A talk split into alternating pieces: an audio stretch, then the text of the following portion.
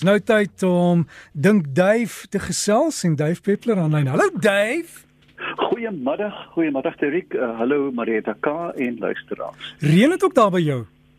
Nee, dit stort. dit is eenvoudig so so dit is so 'n geveg op die dak aan. Jy weet dis vla en vla van reën. Ek dink eh, net mense moet ongelooflik versigtig wees op die paaie. Dit is 'n nagmerrie. Ja, dis dis dis 'n tropiese storm, né? Nee? Ja, jy, weet eh, in die ou dae het dit so gereën, so mense net hoop dat uh, let the good times roll. Jy weet net kan aanhou want jy weet ons damme is vir die eerste keer in dekades propvol en dit is dit gaan 'n lente sonder weer gaan wees. Oi oi oi, ons is so gelukkig daaroor. Goed, hy het 'n paar vrae ding gekom op die SMS lyn. Iemand vra wat is die verskil tussen rooibos en heuningbos tee en wat een is die beste vir jou? Rooibos is die standaard uh daai naaldvormige blaartjie wat mense in jou teesakkie kry, so oud soos die berge. Mense is byna seker dat die sand dit gebruik het. Um die episenter van die produksie is in die Cederberge en dit is heilsaam. Dit is oor en oor bewys. Unity kom meer voor van die Langeberge af na George se kant toe en dit eh, die Cyclopia en het 'n ronde blaartjie en dis 'n tee wat jy letterlik moet kook. Jy weet dis dan van daai daai potjie agter op die ou houtstoof wat so met die dekseltjie wat so gedreun het. Beide van hulle is heil, heilsaam en daar is nou produkte wat die twee meng wat besonder lekker is. Jy weet eh, ons moet onthou dat dat beide rooibos en heuningtee is nie vir babas met kroep nie, dit help ook. Maar hulle het antioksidante, spoorelemente. Dit is waarlik van ons uh, ek dink van ons inheemse gewasse is ek die mees trots. Nie op wyn of enigiets anders maar op hierdie fabelagtige tees en dit dit neem nou toe die verkope in veral in Japan en China en selfs twinings jy weet daai hmm. uitgeleese Engelse uh, verpak nou al twee Jo, en kyk Rooibos is nou trots Suid-Afrikaans, ons het hom geregistreer gekry, so hy's ons en hè. Absoluut ons en jy weet hulle kan hulle champagne hou, ons het Rooibos in heuning tee. En dan vra iemand ook hier, wat is die nut van katbos. Dis mos daai ene, dis die familie van asparagus, is dit Dave? Ek jy weet die volksname uh, by plante is natuurlik baie moeilik. Katbos, uh, ek weet die asparagus wat ek ken is katnagels, want hy het mos so 'n hmm. gekromde doringkie. Boeta, hy skeer vir jou as jy verbygaan.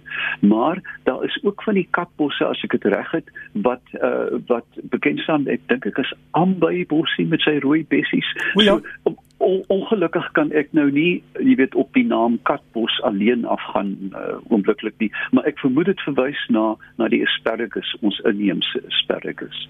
En oupa in Klerksdorp by sê hy nuus gereeld en hy wil weet wat laat 'n mens nuus wel die die nuus ehm um, soos ons weet het twee liggange en dan gaan dit oor 'n baie komplekse oppervlakte met uh, wat getart is byna soos 'n sinkdak en die nasale mucosa slaimlag dit is hoe jou neus loop as jy verkoue het um, waar die reseptore die die die aftas reseptore van reuk sit. Nou daar is 'n sekere groepering van uh, lugreuke wat reuk is altyd in die lug maar iets soos peper speserye ensovoorts formalien wat uh, die die nasale mucosa irriteer en dan um, is dit die liggaam se poging om hierdie partikels uit die liggaam te kry. Jy weet, voor jy dit inasem. Met ander woorde, ek, ek onthou al te goed in Delhi nou, as ek groepe daar lê gaan ons na die speserymark toe. En lank voor jy daar kom, hoor jy hoe tienduisende mense nies, want hulle loop in 'n wolk van van van peperkorrels en wat ook al. En dit is net eenvoudig die liggaam se uh meganisme om van hierdie goed ontslae te raak voor dit kan posvat byvoorbeeld jy weet die nasale mucosa seermaak of hmm. in die longe of in die longe gaan. En dis maar net om jou jou lug weer skoon te hou en oop te hou, né? Is natuurlik so, jy weet, uh, dis natuurlik konvensie. Ons is so bang, jy weet, ons nuus agter ons hand en nou in die tyd van Covid is dit absoluut aanbiedend dat as jy 'n nuusvoel aankom, weet gryp jou hemp, jou trui, enige iets, maar moenie vrylik nuus nie, want ons weet nou dat die die oordrag van hierdie virus is hoofsaaklik in 'n aerosol en nie so seer op oppervlaktes nie. Onthou in die begin het hulle gesê was hande vee die reëling van jou trolley af. Doen dit in elk geval. Hmm. Maar ek dink in die orde van 80% van oordrag kom in die lug voor. So nie diskreet. Koen Fourie vra oor stappers. Hy sê behalwe kamele en kameelperre wat linkerbeen en regterbeen gelyktydig mee stap, is daar ander diere wat dit ook doen. Jy vra my vas. Kyk, ehm um, dit staan bekend as 'n gang. Jy weet 'n drie gang perd of 'n vier gang perd. Net loops interessant die perde van IJsland. Ehm um, en hulle het ysblou oë, die wonderlikste diere. Hulle lyk byna na 'n nooit gedagte pony. Hulle het vyf gange. Um, So ek sou 'n bietjie met navorsing doen, maar ek vermoed dat die kamele en kameelperde nie alleenlik hierdie gang gebruik nie. Uh, en wat interessant is netlik dat die gang afgewissel word na na gelange van die omgewing. As 'n kameelperd 'n duin of 'n kameel 'n duin klim, kan ek jou waarborg gaan hy nie hierdie twee pote op 'n slag gebruik nie. Hy gaan voetjie vir voetjie. So, daar is in elke diere ingeboude aantal gange. En dan 'n SMS wat sê iemand het by familie gaan kuier. Hulle het 'n suur, dit lyk soos 'n suurlemoenboom. Hy het vrugte, dit lyk amper soos pomelos, maar is twee keer so groot.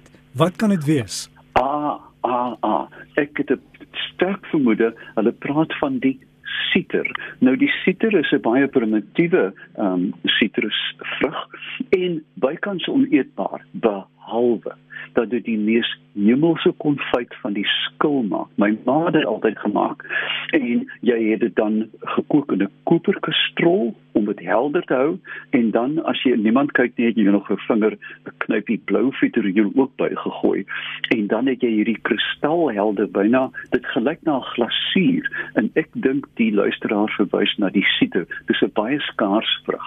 Hm. Wat's blou vitriol?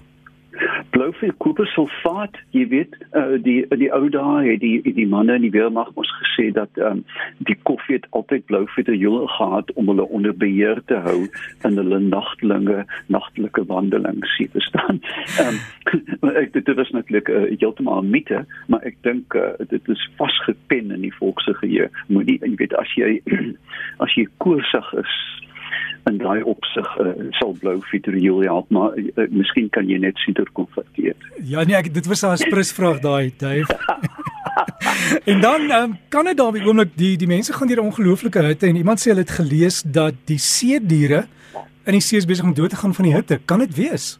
Absoluut daar is nou baie duidelike teken. Kyk, een van die van die seediere wat of see soogdiere wat ons die meeste van weet natuurlik is die walvisfamilie en die dolfynfamilie.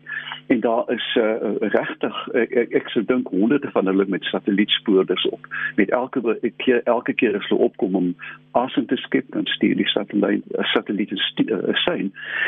En ons kan 'n wesenlike verskuiwing sien van water wat te warm word vir hulle, nie noodwendig vir hulle nie, maar vir die kos wat hulle soek. Jy weet die die ehm um, garnale, die sogenaamde krul. Uh hierdie hulle soek koue water en dan trek hulle na kouer strome en gevolglik uh, kan 'n mens 'n wesentlike verskuiwing sien van die verspreiding van hierdie diere. Ons dink eenvoudig aan aan aan ysbere. Jy weet, ysbere uh, dop nou in Kamchatka in in die noorde van Siberië in dorpies op want die, die daar is nie meer ys nie.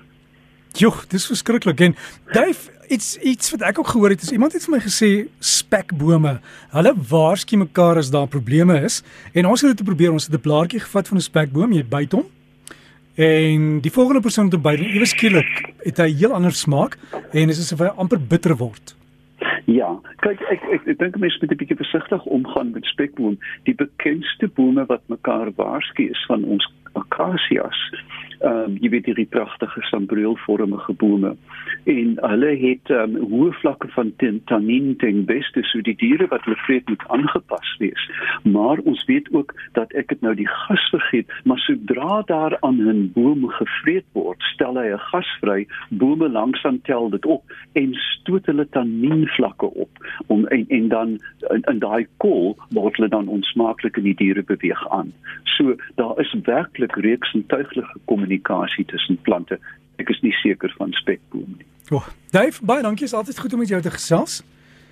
Dit was 'n groot bestuur. Ons praat volgende week. Doodreg en sterkte daar met al die reën. Dave, sê net gefvinnig waar kan mense jou inligting kry of jou opspoor? Ja, daar daar is twee uh, trefpunte. Die een is my Facebookblad vir die soort van algemene agtergrondgedruis en dan is daar duifpeppler.com 'n meer ernstige blad. So gesels ons dan met Dave Peppler, duifpeppler.com gaan loer daar of soek hom op Facebook en onthou volgende week weer, dan kan ons jou vrae beantwoord hier op Spitstyd.